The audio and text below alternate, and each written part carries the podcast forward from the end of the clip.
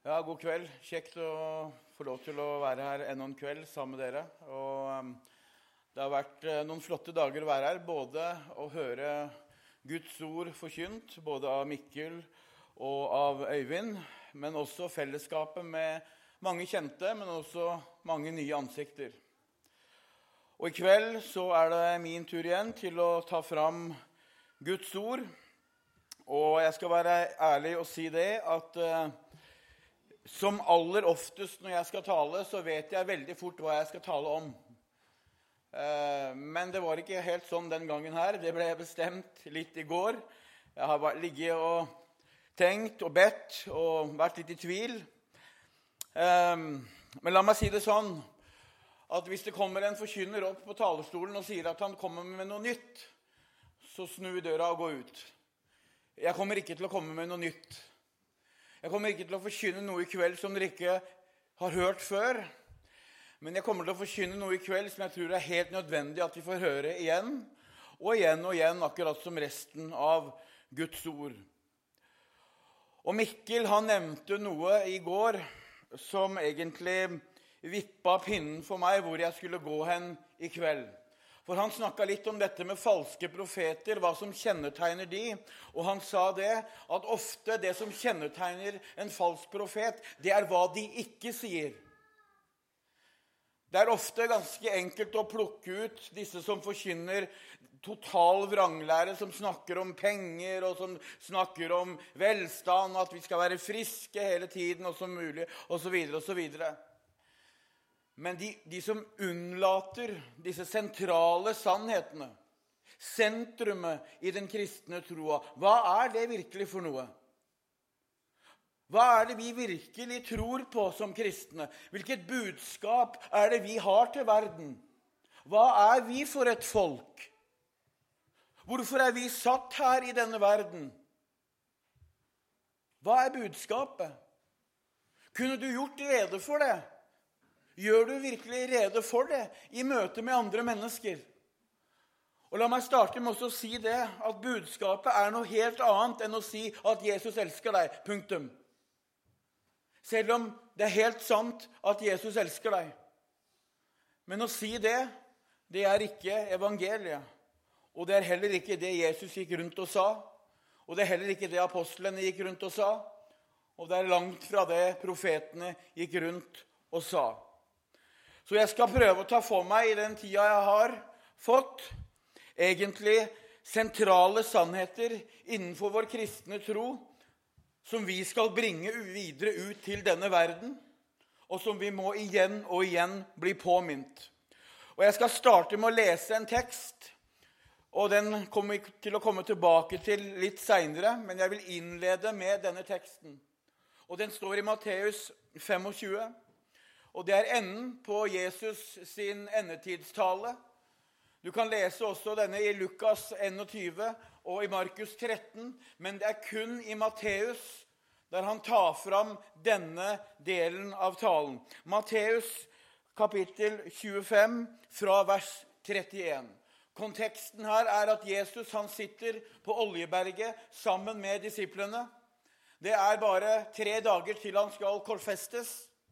Og så har disiplene spurt ham når kommer du tilbake, og hva skal tegnet på ditt, ditt komme være? Og så gir Jesus det lengste svaret som han gir på noe spørsmål i Skriften til disiplene. Og her kommer avslutningen, og den leser vi fra vers 31 i Jesu navn. Men når Menneskesønnen kommer i sin herlighet, og alle englene med ham. Da skal han sitte på sin herlighetstrone. Og alle folkeslag skal samles for hans åsyn, og han skal skille dem fra hverandre, liksom hyrden skiller fårene fra gjetene.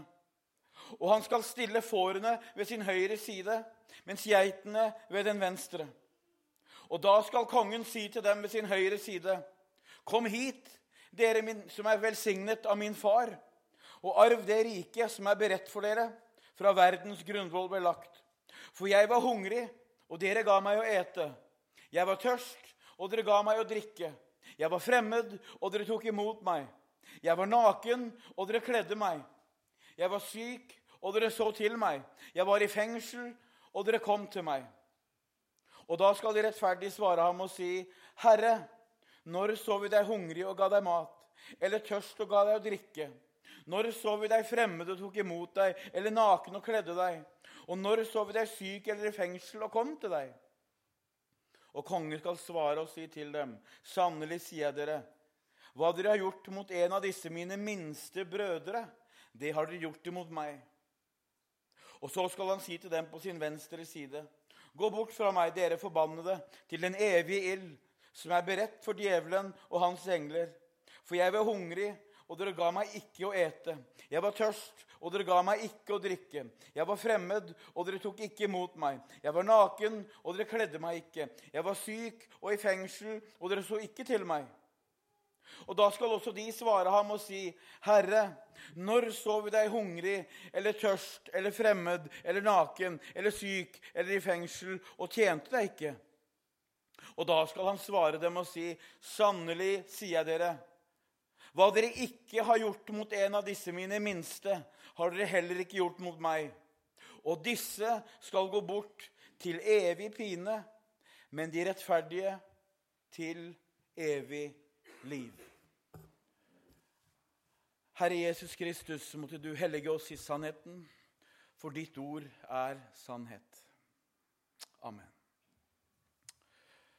Vi kommer tilbake til denne teksten her etter hvert. Men i dag så lever vi i Norge. Vi lever i et samfunn, og det er mest sannsynlig ganske likt i Danmark, uten at jeg kjenner Danmark så godt, og heller ikke Sverige. Jeg vet det også er svensker her. Men vi lever i et land med voldsom velstand. Vi lever i et land med overflod av både det ene og det andre. Vi lever i et land med de beste skolene i verden. Vi lever i et land fullt av butikker med de beste klærne. Vi tjener gode penger, de aller fleste av oss. Og om vi ikke til og med har jobb i dette landet, så kan vi gå på noe som heter Nav, fylle ut et skjema, og så får vi mer penger hver eneste måned enn hva de aller, aller fleste mennesker får flere steder rundt om i verden på en vanlig lønn. Vi lever i en voldsom velstand. Vi blir født inn i et samfunn med pappapermisjon med full eh, lønn, barnetrygd, sosialstøtte, flotte skoler, universitet osv. osv. Vi mangler absolutt ingenting. Og spørsmålet, som da blir et legitimt spørsmål, hva skal jeg med Gud? Hva skal jeg med denne Jesus? Vi har jo alt fra før. Vi trenger jo ikke han. Vi klarer jo oss så godt. Og For to år siden så dro jeg og noen venner ut på Ikea på Forus i Stavanger. Egentlig var det tanke om en sånn evangeliseringslørdag der vi skulle ut og snakke med folk og treffe folk der de var, og prøve å komme i samtale med mennesker. Og det gjorde vi. Og vi traff flere, og jeg snakka med en fire-fem stykker den dagen som jeg fikk gode samtaler med. Og fire av disse de sa akkurat det samme. Nei, jeg trenger ikke Jesus. Jeg har ikke noe brukt for Gud. Fordi at jeg har en fin bil, jeg har en flott kone, jeg har fine barn, og jeg tjener godt. Jeg klarer meg helt fint. Og det svaret var egentlig akkurat som forventa. Jeg var ikke noe overraska over å få det svaret, men problemet var dette. At tre av disse fire hadde kommet til den konklusjonen i møte med mennesker som bekjenner seg som kristne. Fordi de forkynner et budskap som lyder sånn at 'Kom til Jesus, så skal han ordne ditt liv'. 'Kom til Jesus, så skal alt bli så enkelt og så fint og så flott'. 'Kom til Jesus, så blir alle dine problemer borte'. Og kom til Jesus, så kanskje du heller aldri vil være syk mer, og til og med økonomien din vil blomstre. Det er et budskap kjære venner, som blir forkynt flere og flere steder i dag rundt om i vårt land.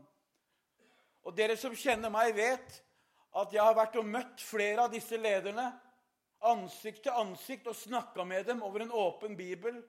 Og det er som å snakke til en fjellvegg. Du kommer ingen vei. For det, det, egentlig, det det koker ned til, det er at de fornekter Bibelens ord og hva Skriften virkelig sier. De tenker nytt. For vi lever jo tross alt i 2016. Vi lever ikke lenger på Jesu tid og apostlenes tid. Du vet at Paulus sitt syn på kvinner det gjelder ikke i dag, for nå er det en ny tid. Og profetene, når de gikk rundt og ropte omvendelse og, og, og om, å frykte Gud, så var de prega av sin tid. Det er ikke sånn i dag. For at Gud, han er kjærlighet. Han vil deg bare godt. Gud er snill. Guds ord sier at det er forferdelig å falle i den levende Guds hender. Hvem er det som snakker om det i dag? Hvem er det som forkynner i dag at på den siste dag så skal hvert eneste menneske stå foran denne Gud, denne levende Gud. Hver eneste dag så dør mennesker fra denne verden. Og da er da det virkelig begynner. Det er da det virkelig begynner. Hva er det som er vårt budskap? Hvorfor trenger mennesker frelse? Jo, David han sier det jo i sin bekjennelse når han kommer til omvendelse etter at han har har drept Uria og gjort Batseba gravid, så sier han jo det at 'jeg er født i misgjerning, og min mor har unnfanget meg i synd'. Og det, det betyr ikke at David bare sier at han har gjort en, en, en dårlig gjerning. Han bekjenner at hele han er synd. Guds ord beskriver at hele mennesket er løgn. Og i Salme 58 så står det sånn at de ugudelige, de, de, de løgnerne, de farer vill fra mors liv. Vi er født med og i synd. Synd er ikke bare en, en, gjerning som vi gjør. Det er noe vi er født med og i. Vi er født fiender av Gud, med ryggen til Gud. Atskilt fra Gud. Ja, vi er født inn i denne verden med det som vi kaller for arvesynd. på grunn av Adam og Evas fall. Og det er ikke et populært budskap. Men det hører med til sann evangelieforkynnelse å forkynne bakteppet og bakgrunnen til hvorfor Gud måtte bli menneske. Hvorfor måtte Kristus komme? Jo, fordi at alle har syndet og står uten ære for Gud og skal en gang stå ansikt til ansikt med denne hellige Isak og Jakobs og Abrahams Gud. Og det tror ikke denne verden på. Det er galskap når du begynner å snakke sånn. Det er galskap når du begynner å snakke om at eh, man skal gjøre regnskap for sitt liv. For når Adam falt, når Eva falt, så falt alle. Da falt vi. Og etter det så har synd vært en konsekvens i alle menneskers liv, ja, i hele denne verden. Du kan spørre mennesker, eller hvis noen spør deg ja, hvorfor er det så mye krig? Hvorfor, hvorfor er det så mye kriminalitet? Seksuell revolusjon, homofili, drap, uro i denne verden. Les første Mosebok kapittel 3 på grunn av synd. Det er på grunn av synd. Det er ikke fordi at mennesket tar noen dårlige valg. Det mennesket gjør det som er naturlig for det. Har du lagt merke til det? At i denne verden, teknologisk, så blir ting bedre og bedre. Vi bygger romstasjoner, vi bygger de beste flyene, nye våpen, ny teknologi. Altså, Teknologisk så bare blir ting bedre og bedre og bedre, mens moralsk så blir det bare verre og verre og verre og verre. Og det blir mer uro, mer krig. Hvorfor? Jo, fordi at vi er født med noe i oss som vi ikke kan kontrollere, som heter synd. Vi gjør det som er naturlig for oss. Og den erkjennelsen må mennesket komme til. Og det er også vi kristne budbringere av. Det budskapet om at vi er en fallen skapning foran en hellig Gud, og at vi skal gjøre regnskap for våre liv. Er du klar? Er du rede? Og Jeg sa det på kveld nummer én. Du er ikke rede bare fordi at du er med i NLM. Du er ikke rede bare fordi at du har gått på en eller annen bibelskole. Du er ikke rede bare fordi du har vært med og arrangert 100 basarer eller gjort det eller det. Er du født på ny? Har du bøyd kne for Herrenes Herre og kongenes konge? Har du tatt imot nåden? Har du sett at det eneste håpet som fins i denne verden, det er Guds sønn Kristus Jesus? Vi har ingenting annet. Det fins ikke noe annet. Han er veien, sannheten og livet. Han er den eneste. Han er Messias, den levende Guds sønn, som har kommet, og som er, og som snart kommer igjen. Har du mottatt det? Lever du i det? Er det din virkelighet? Eller blir det bare virkelighet når du kommer på møtene og, eller i bibelgruppa. Dere samles liksom om, om, disse tingene som står skrevet. Og, så, og når boka blir lukt, så, så, går man ut, og så lever man kanskje litt som verden. Har vi dette med oss i dag? Denne nøden. For når jeg leser om profeter og apostler og Herren, så Ja, vi, vi, vi, er, vi er, syndige mennesker, og vi, bommer, og vi faller, og og vi feiler hele veien. Men har vi en nød i oss? Har vi denne nøden for menneskers sjel? Ligger dette og hviler over deg? Er dette noe du tenker på? Og uansett hvor flink du er, uansett hvor høy utdannelse du har, alle dine talenter, alle dine naturgaver Guds ord sier at dine beste gjerninger er som et skittent plagg fremfor Gud. Jesaja 64, 64,5. Det nytter ikke å komme til Gud med, med, vårt eget. Det tror ikke verden på. Vet du hva verden tror? Verden tror at jeg gjør så godt jeg kan, og så håper jeg at Gud tilgir meg resten. Hvis det fins en Gud. Jeg gjør så godt jeg kan. Jeg prøver å følge de ti bud. Jeg har snakka med så mange som tenker sånn, også bekjennende kristne. Så synd er altså grunnen til at vi trenger frelse. Fordi at vi har noe i oss som må bli brutt. Og syndens lønn er døden. Men Guds nådegave er evig liv i Kristus Jesus. Og det fins bare én måte at dette kan bli brutt på, og det er frelse. Det er tilgivelse, og det fins bare i én. I ett menneske som er både Gud og menneske. Jesus Kristus. Og synden, som jeg sa, altså kommer inn fra fødsel. Vi kaller det for arvesynd. Og jeg har ofte brukt eksempler fra Nå er han ikke her, så nå er det enda tryggere å gjøre det men med min egen lille sønn. Nikolai, fire år. Verdens nydeligste, flotteste, fine gutt. Men jeg har ikke lært han å slå søstera si. Jeg har ikke lært han å ta middagstallerken og se på meg og slippe den i gulvet og smile. Jeg har ikke lært han å skrike til meg. Og så når disse tingene skjer, så sier jeg til kona mi 'Uff, denne synden'. sier jeg. Men det er på grunn av, du trenger ikke å lære et barn de tingene. Det kommer helt naturlig. Det er av synd. Det er av det vi er født med. Og hva er synd? Jo, synd er per definisjon lovbrudd, brudd på Guds lov og Guds vei, men også da naturen som vi er født med. Og Vi sier jo at, at, at synden startet under fallet, ikke sant? når Adam og Eva eh, spiste av det treet de ikke skulle spise av. Men Lucifer, denne erkeengelen, han gjorde opprør allerede før det. For han ville bli som Gud og ble kastet ut. Og det er det som er den ultimate synd, det er at vi vil bli som Gud. Og det var slik slangen også til slutt lurte Adam og Eva. Guds ord sier det i Romerne 3, 12, at alle er veket av. Alle er blitt udugelige. Det er ikke noen som gjør det gode, ikke en eneste.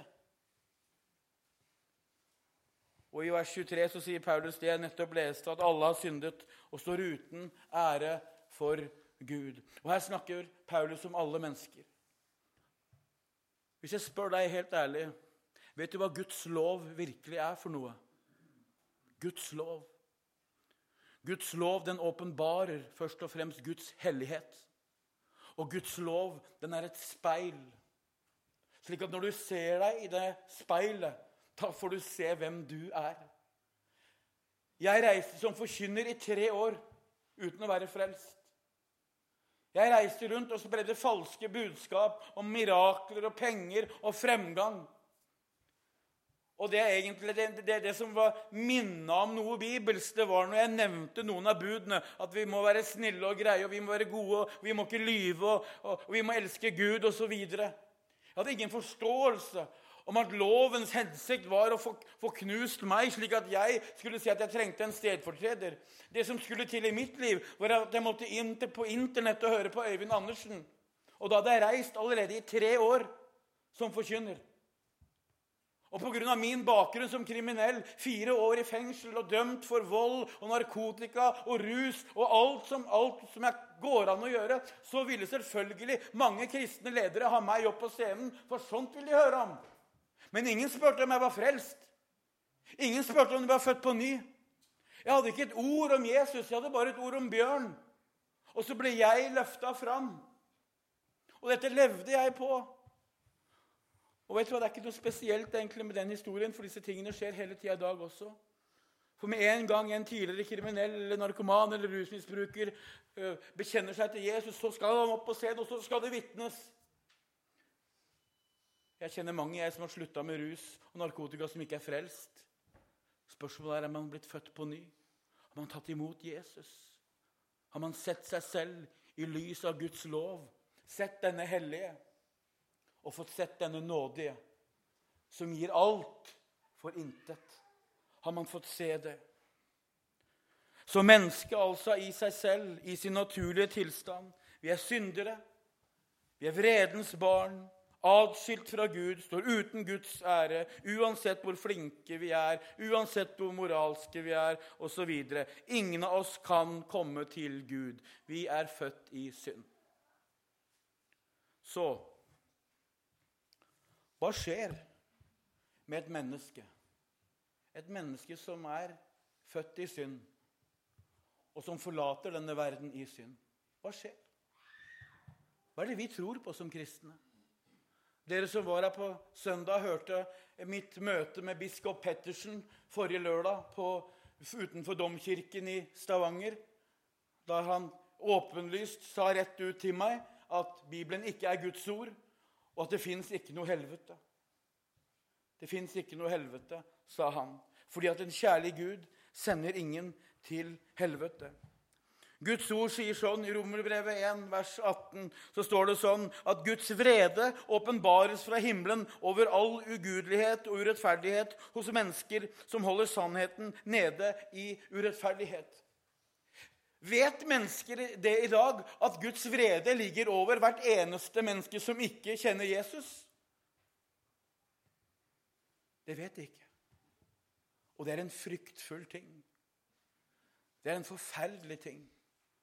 Guds vrede. Det ligger over hvert eneste menneske som holder sannheten nede i urettferdighet. Hvor mye snakkes det i dag om Guds vrede og den kommende dom, det som ligger der foran? Paulus han eh, beskriver tesalonikerne sin omvendelse som om at de vendte om fra til Gud, fra avgudene, for å vente på Jesus Kristus, han som Gud reiste opp fra de døde. Jesus, han som frir oss fra vreden som kommer. Kjære venner, evangeliet det er gode nyheter. Det er syndenes forlatelse. Det, det fins ikke noe større og herligere. Men vi må ikke glemme hva vi blir frelst ifra.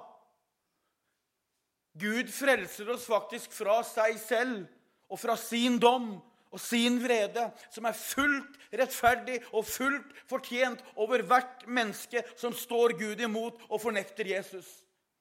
Og det er ingen mennesker som ender i fortapelsen pga. den eller den synden. Den eneste grunnen til at et menneske havner der, er fordi at det har fornektet Jesus og ikke har tatt imot ham. I Kolosserbrevet kapittel 3 så sier Paulus sånn i vers 6.: På grunn av disse tingene kommer Guds vrede over vantroens barn. Og Han henviser da til vers 5, der det står om utukt, urenhet, syndig lidenskap, pengegriskhet. Ting som vi kan se preger samfunnet i dag. Ting også som sniker seg inn i den kristne forsamling. Skru på TV i dag i beste sendetid. Det står her om syndig lidenskap. Hva er det for noe? For eh, ja, skal vi se, nå er vi i 2016. For 16 år siden så begynte det første reality-TV-showet på TV, TV Norge. Det het Big Brother. Sikkert noen som vet godt hva det er. Big Brother var et TV-show der man på Fornebu flyplass hadde satt opp et hus med x antall soverom med 24 timers kameraovervåkning døgnet rundt. Og så var det vel en 20 unge mennesker fra jeg lurer på om det var fra ca. 18 til 25 som ble satt inn i dette huset. Og Der skulle man da filme 24 timer i døgnet i 90 dager. Og så var det om å gjøre å lage mest mulig intriger, og til slutt så ville det bare være igjen ett menneske som ville vinne en stor pengepremie. Dette var i år 2000. I dag, 16 år senere, så er det barnemat i forhold til hva som blir vist på TV i dag, i beste sendetid. I dag så er det TV-serier der man hva skal man si, setter mennesker helt ned i 18 år, unge jenter og unge gutter, inn på luksushotell med 24 timers kameraovervåkning. Og det er om å gjøre å ha mest mulig sex og drikke mest mulig alkohol. Og dette er underholdning. Det er syndig lidenskap. Og en kristen sitter ikke og ser på sånt. En kristen tar avstand fra sånne ting. For en kristen han elsker det Gud elsker, og hater det Gud hater. Vi skal følge Jesus. Ja, vi kan bomme, ja, vi feiler, ja, vi faller. Men en sann kristen sitter ikke og nyter synd. Man kjemper imot synden. Og man elsker ikke det som Guds ord kaller for syndig lidenskap og utukt. Men samfunnet i dag bobler over av det. Det som for 30 år siden ble kalt for pornografi, det henger i dag i vanlige butikkvinduer. Det er helt vanlig. Tiden utvikler seg, og det utvikler seg i rekordfart. I Efeserbrevet kapittel 5 så sier Paulus sånn.: La ingen bedra dere med tomme ord, for det er på grunn av disse ting at Guds vrede kommer over vantroens barn. Tomme ord. Hvilke ord er disse tomme ord? Jo, det er alle ord som ikke står her. Legger du din lit til noe annet enn dette ordet? For dette er Guds hellige, ufeilbarlige ord til alle tider. Øyvind Andersen han sa det sånn at ditt forhold til Bibelen er som ditt forhold til Jesus. De kan ikke atskilles. Slik som du, forholdet du har til denne boka her, det forholdet har du også til Jesus. Du kan ikke utelate noe, du kan ikke trekke bort noe. Du kan ikke ta fram bare noe som du liker bedre enn andre ting osv. Vi må bøye oss for dette som står her. Og forholdet som vi skal ha til denne boka her, som er de sanne ord. For her fins det ikke ett tomt ord. Det er ikke at vi steller oss over denne boka og bedømmer den, men vi bøyer oss under den og lar den bedømme oss. Den bedømmer oss. La Gud bedømme oss. La Gud være den som veileder oss. Legger du din lit til Bibelens ord? Stoler du på det som står der? For det er ikke tomme ord. Det er Guds levende ord til alle tider. Og Johannes han oppsummerer det i kapittel 3 i sitt evangelium. I vers 36 så står det sånn Egentlig den kristne troa oppsummert i ett vers. Det står slik at den som tror på Sønnen, han har evig liv. Men den som ikke vil tro på Sønnen, skal ikke se livet, men Guds vrede bli over ham. Det er enten-eller, kjære venner. Den som har Sønnen, den har livet. Den som ikke har Sønnen, har ikke livet. Det er enten-eller. Er dette vår nød? Og det da som skjer, som jeg stilte spørsmålet Hva skjer med et menneske som ikke har tatt imot Jesus i dette livet og trekker sitt siste pust? Jo, det møter Gud, men det møter han ikke som bror. Det møter han ikke som frelser, men det møter han som dommer, og det går evig fortapt. Og evig fortapelse i Bibelen blir beskrevet på mange forskjellige måter. Et av ordene som vi kjenner aller best, er ordet helvete. Ordet helvete fremkommer tolv ganger i Det nye testamentet. Elleve av de gangene så kommer det fra Jesus sine egne lepper. Jesus snakker mer om helvete enn noen andre i Bibelen til sammen. Jesus snakker mest om dommen, om fortapelsen, enn noen andre, ja, mer enn alle de andre til sammen. Og hvorfor gjør Jesus det? Jo, jeg skal si dere, det er av én grunn. Fordi at han elsker mennesker. Man snakker ikke om disse tingene fordi at man har lyst til å skremme eller trykke noen ned, men fordi at man har nød for menneskers sjel. For Jesus ville ikke at noen skal gå fortapt. Og Derfor så advarte han. Også fariseerne, de som sto han imot. De som til og med kalte Guds sønn for Belsubel, djevelens søl. Det er ved Belsubels ånd han driver ut de onde åndene, sa de om Jesus.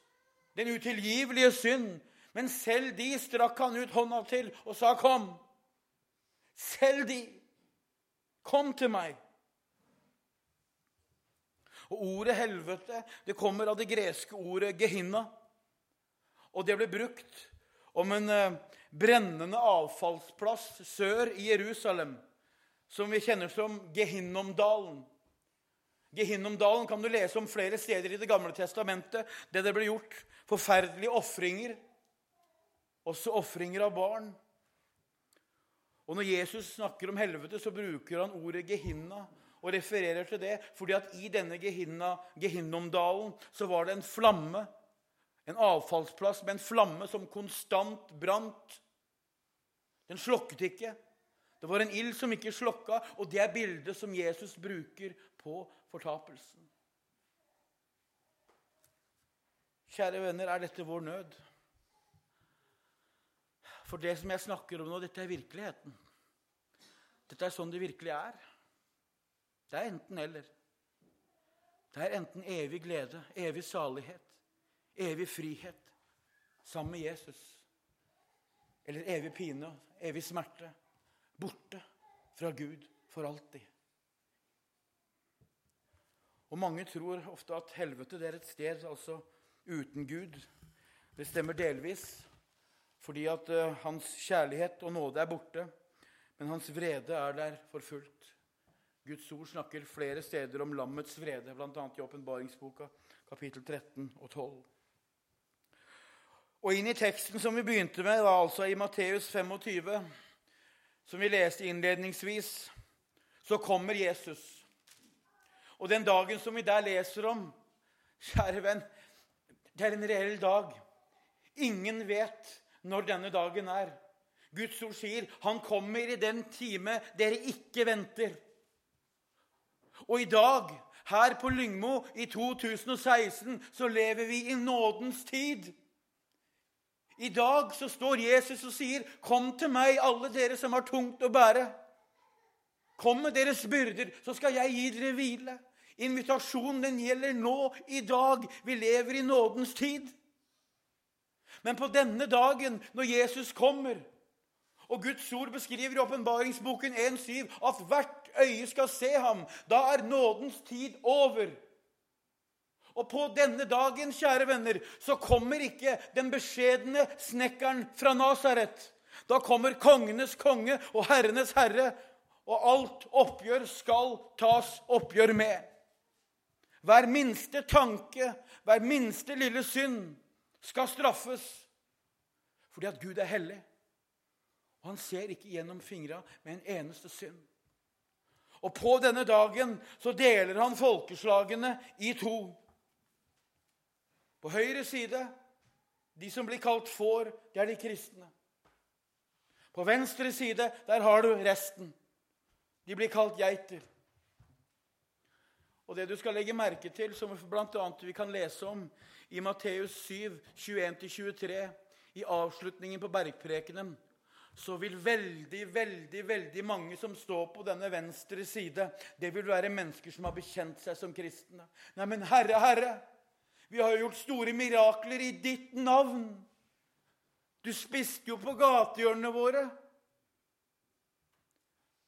Men det er mennesker som peker på seg og sitt. Det er de som ikke har pekt på ham, men de har lagt sin lit til seg og sine gjerninger og sine aktiviteter og sine mirakler og alt det de har utretta og ikke utretta. De, de, peker på seg selv. Disse til, på høyre side, de gjerningene som de har gjort, de er frukten av et gjenfødt og nytt liv. De har tatt hånd om de kristne søsknene, slik som du gjør mot en av mine minste brødre, dvs. Si, mot de andre kristne. Det gjør du mot meg, sier Jesus. Det er en frukt av det kristne livet. Det er ikke derfor du kommer til himmelen, fordi at du har vært god mot de andre kristne, men det er en frukt av det. Og Jesus nevner det på dommens dag. Du hørte hva Mikkel nevnte tidligere i dag. Hva er det Jesus sier for noe når han møter Saulus?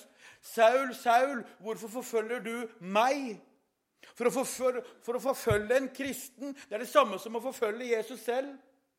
Og Det samme bruker han på dommens dag. Det du har gjort mot en av mine minste brødre, har du gjort mot meg. Og på denne dagen så stopper verden opp. Folk går ikke på jobb. Folk kommer ikke til å være likegyldige. Det står til og med sånn at kongene og stormennene de vil være så fulle av skrekk at de vil be om at fjellene skal kastes over dem, og at de skal skjule seg i bergene for lammets åsyn, for han som kommer. Og For å sitere Øyvind Andersen, han sa det i en tale på slutten av 70-tallet På den dagen så vil alle mennesker skjønne det var de kristne som hadde rett. Og si meg, skal du vente til den dagen kommer før du forstår det? Eller skal du komme i dag? Det må vi si. Det må vi si. Det er vi kalt til. For det er dette det handler om. Denne dagen kommer, kjære venner. Og den kommer når vi intet aner det. Og I åpenbaringsboka kapittel 20, vers 11-15, så leser du om den store, hvite trone.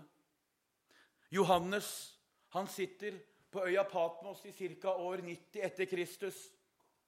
Og så blir han rykket opp i det aller helligste. Og så får han se. Og Hva er det han får se? Han får se en trone. Og Legg merke til det som står i den teksten. Det står bl.a. det at, at havet har gitt tilbake sine døde. Dødsriket har gitt tilbake sine døde. Alle står der, liten som stor. Men hva er det Johannes ser? Jo, han ser denne tronen. Og han som sitter på denne tronen, det er Jesus Kristus. For Faderen dømmer ingen, men han har overgitt hele dommen til Sønnen. På denne dagen så blir bøker åpnet. Og det siste verset i den teksten sier slik at hver den som ikke har navnet sitt innskrevet i livets bok hos lammet, ble kastet i ildsjøen.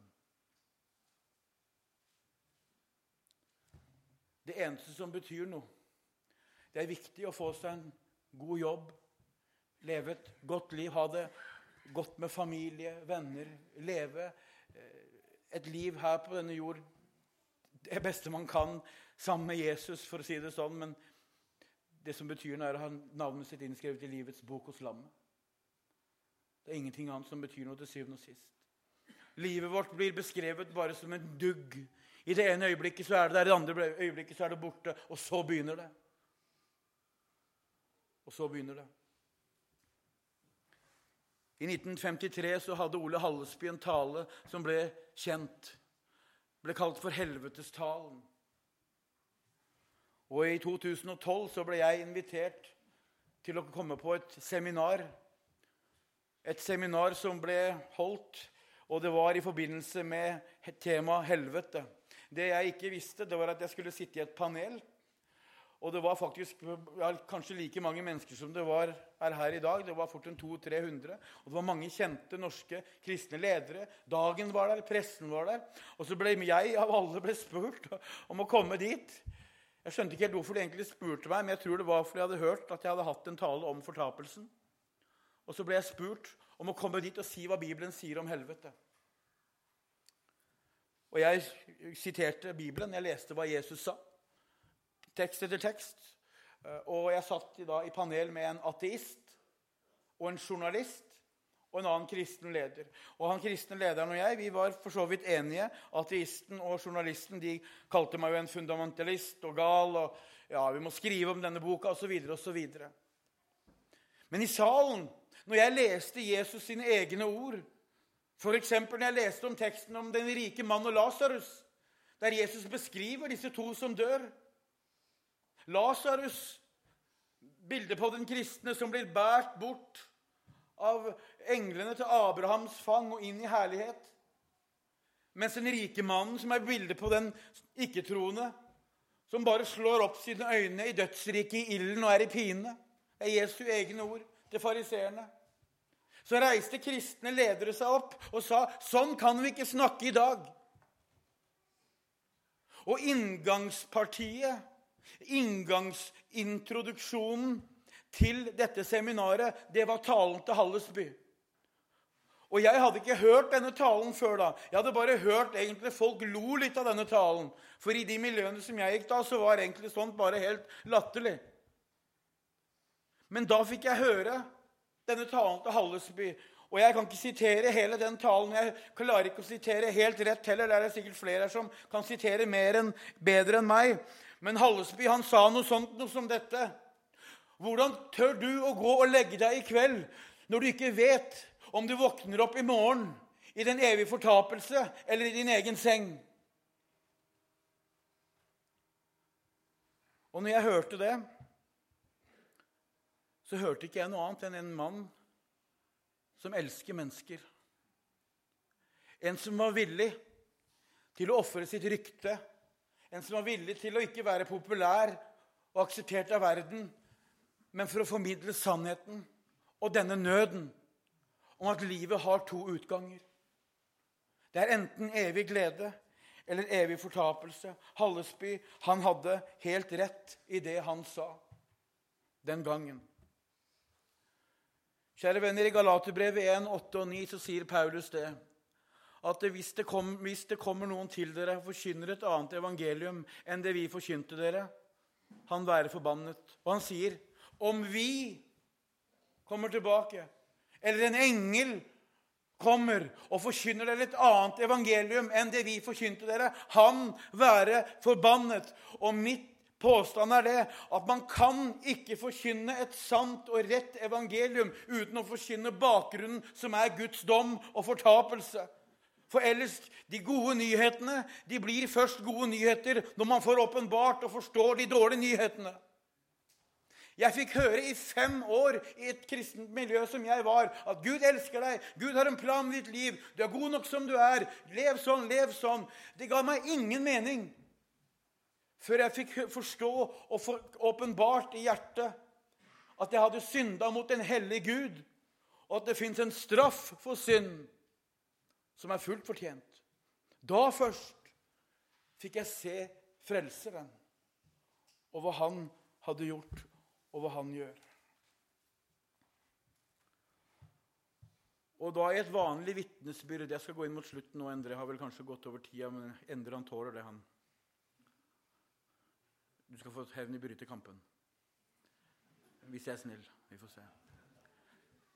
Når vi har fortalt disse tingene Hvis vi legger ut dette i et vitnesbyrd, så trenger man ikke å legge så mye vekt på disse tingene som jeg har gjort i kveld. Men jeg har lagt vekt på det for at disse tingene er sant.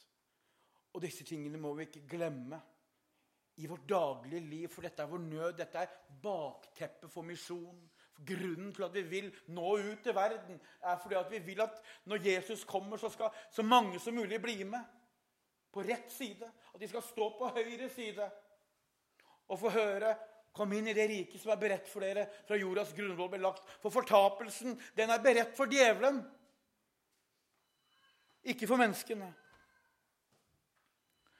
Men når man da har fortalt disse tingene, lagt ut om synd, arvesynd, dom, fortapelse, så må du aldri glemme å fortelle om Jesus.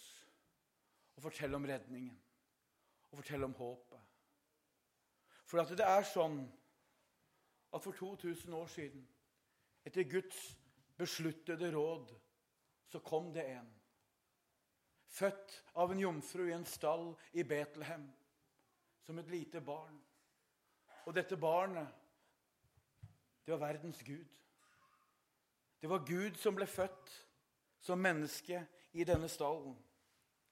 Og i det øyeblikket dette barnet ble født, så begynner en stedfortredergjerning for deg og meg.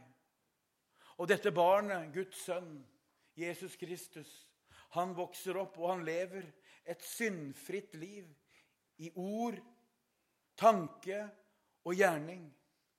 Og La meg sette det i perspektiv for deg. Det har ikke vært én en eneste dag, ikke ett minutt, som du har vært syndfri. Jesus han var syndfri hvert eneste sekund i hele sitt liv.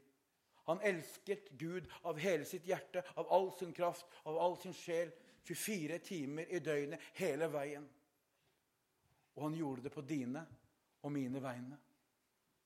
Jesus sitt stedfortredergjerning, kjære venner, det handler ikke bare om korset og oppstandelsen. Det handler om hans syndfrie liv som blir tilregna deg og meg. Og etter at Jesus har levd dette syndfrie livet for deg og for deg, og selv for en klovn som meg, som virkelig fortjener straff. Så etter Guds forutbestemte plan så går han opp på korset. Og Jesus gikk ikke opp på korset fordi at Pilatus eh, beordra det, eller fordi at Judas forråda ham. Nei, dette var bestemt av Faderen. Dette måtte skje. Og når Jesus går opp på korset, så er han allerede ydmyka på. Han er spytta på. Han er slått. Han er piska til det ugjenkjennelige. Han sto foran Pilatus og fikk sin dom. Pilatus var helt uvitende om at på denne siste dag så skal han stå foran kongenes konge og få sin dom. Helt uvitende. Han var helt uvitende om hvem det var som sto foran ham. Han som sto foran Pilatus på denne dagen, det er han som holder alle ting sammen ved sitt ord. Det er han som sa 'la det bli lys', og det ble lys. Det er han som sto foran Pilatus på denne dagen. Og så blir han korsfesta. Naglene gjennom hendene og føttene og tornekrona på hodet, og der henger han. Men det er ikke det, kjære venner, som er forsoningen. 30 000 andre ble korsfesta på Jesus sin tid. Korsfestelse var en vanlig død for kriminelle. Men mens Guds syndfrie lam henger på det korset, så tar Gud Fader i himmelen all din, din og min synd, våre tanker, våre urenheter, Guds dom, vrede, og det blir lagt på Sønnen. Det er et plassbytte. Det ble lagt på han istedenfor oss. Han ble gjort til synd for deg og meg. Han ble behandla på korset slik som du og jeg egentlig fortjener. Og i retur så blir vi nå behandla slik som det han egentlig fortjener, som Guds sønner og døtre. Evangeliet, kjære venner, det er det store plassbyttet da Gud kom ned fra det aller helligste. Det levende Guds ord kom ned til vår støvete verden og løp oss i møte. Tok bort vår synd, viste oss medynk og sa, 'Dine synder er deg tilgitt'. Og Derfor så kan vi som kristne i dag vi kan si med frimodighet det er ingen fordømmelse for den som er i Kristus Jesus, fordi at Jesus Kristus ble dømt for oss. Dommen ble lagt på en annen. Dommen ble lagt på Gud selv. Og så står det sånn i 1. Johannes 4,10.: I dette er kjærligheten. Ikke at vi har elsket Gud, men at Han har elsket oss og sendt sin sønn til soning for våre synder. For dine synder. Du var ikke glemt, og jeg var ikke glemt. Og den som tror på Sønnen, han har evig liv. Hvis du tror på Han, tar din tilflukt til Han. Ikke presterer noen gjerninger, ikke, ikke, får til det ene eller det andre. Du legger din lit til noe som har skjedd, noe som er ferdig. Stol på Han. Du er et Guds barn. Du er frelst. Du skal til himmelen. La meg illustrere til slutt. Noen har sett dette eksempelet før, men jeg syns det er et relativt godt eksempel, så jeg bruker det også her. La meg vise dere hva evangeliet egentlig er for noe. Eller hva den kristne troa er for noe, med en illustrasjon. Gud, han tar Vi kan godt si min. Han tar Bjørn sin bok, min bok. Og så ser han i min bok og der står det følgende Hor, drap, utroskap, syndig lidenskap, pengegriskhet, synd, synd, synd, synd. Det står bare synd i min bok. Ingenting annet. Den er full av synd. Så tar han Jesus sin bok, og så ser han i Jesus sin bok. Der står det ren, rettferdig, syndfri, hellig. Og så ser han det syndfrie livet. Så ser han korsbæringen, forsoningen, og så ser han oppstandelsen. Og så tar han Jesus sin bok, og så legger han den over Bjørn sin bok og din bok, og så sier han 'tilgitt'.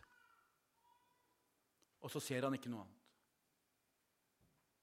Når Gud ser på deg, du som har din tilflukt til Jesus, så ser han en som er like hellig og rein som Jesus.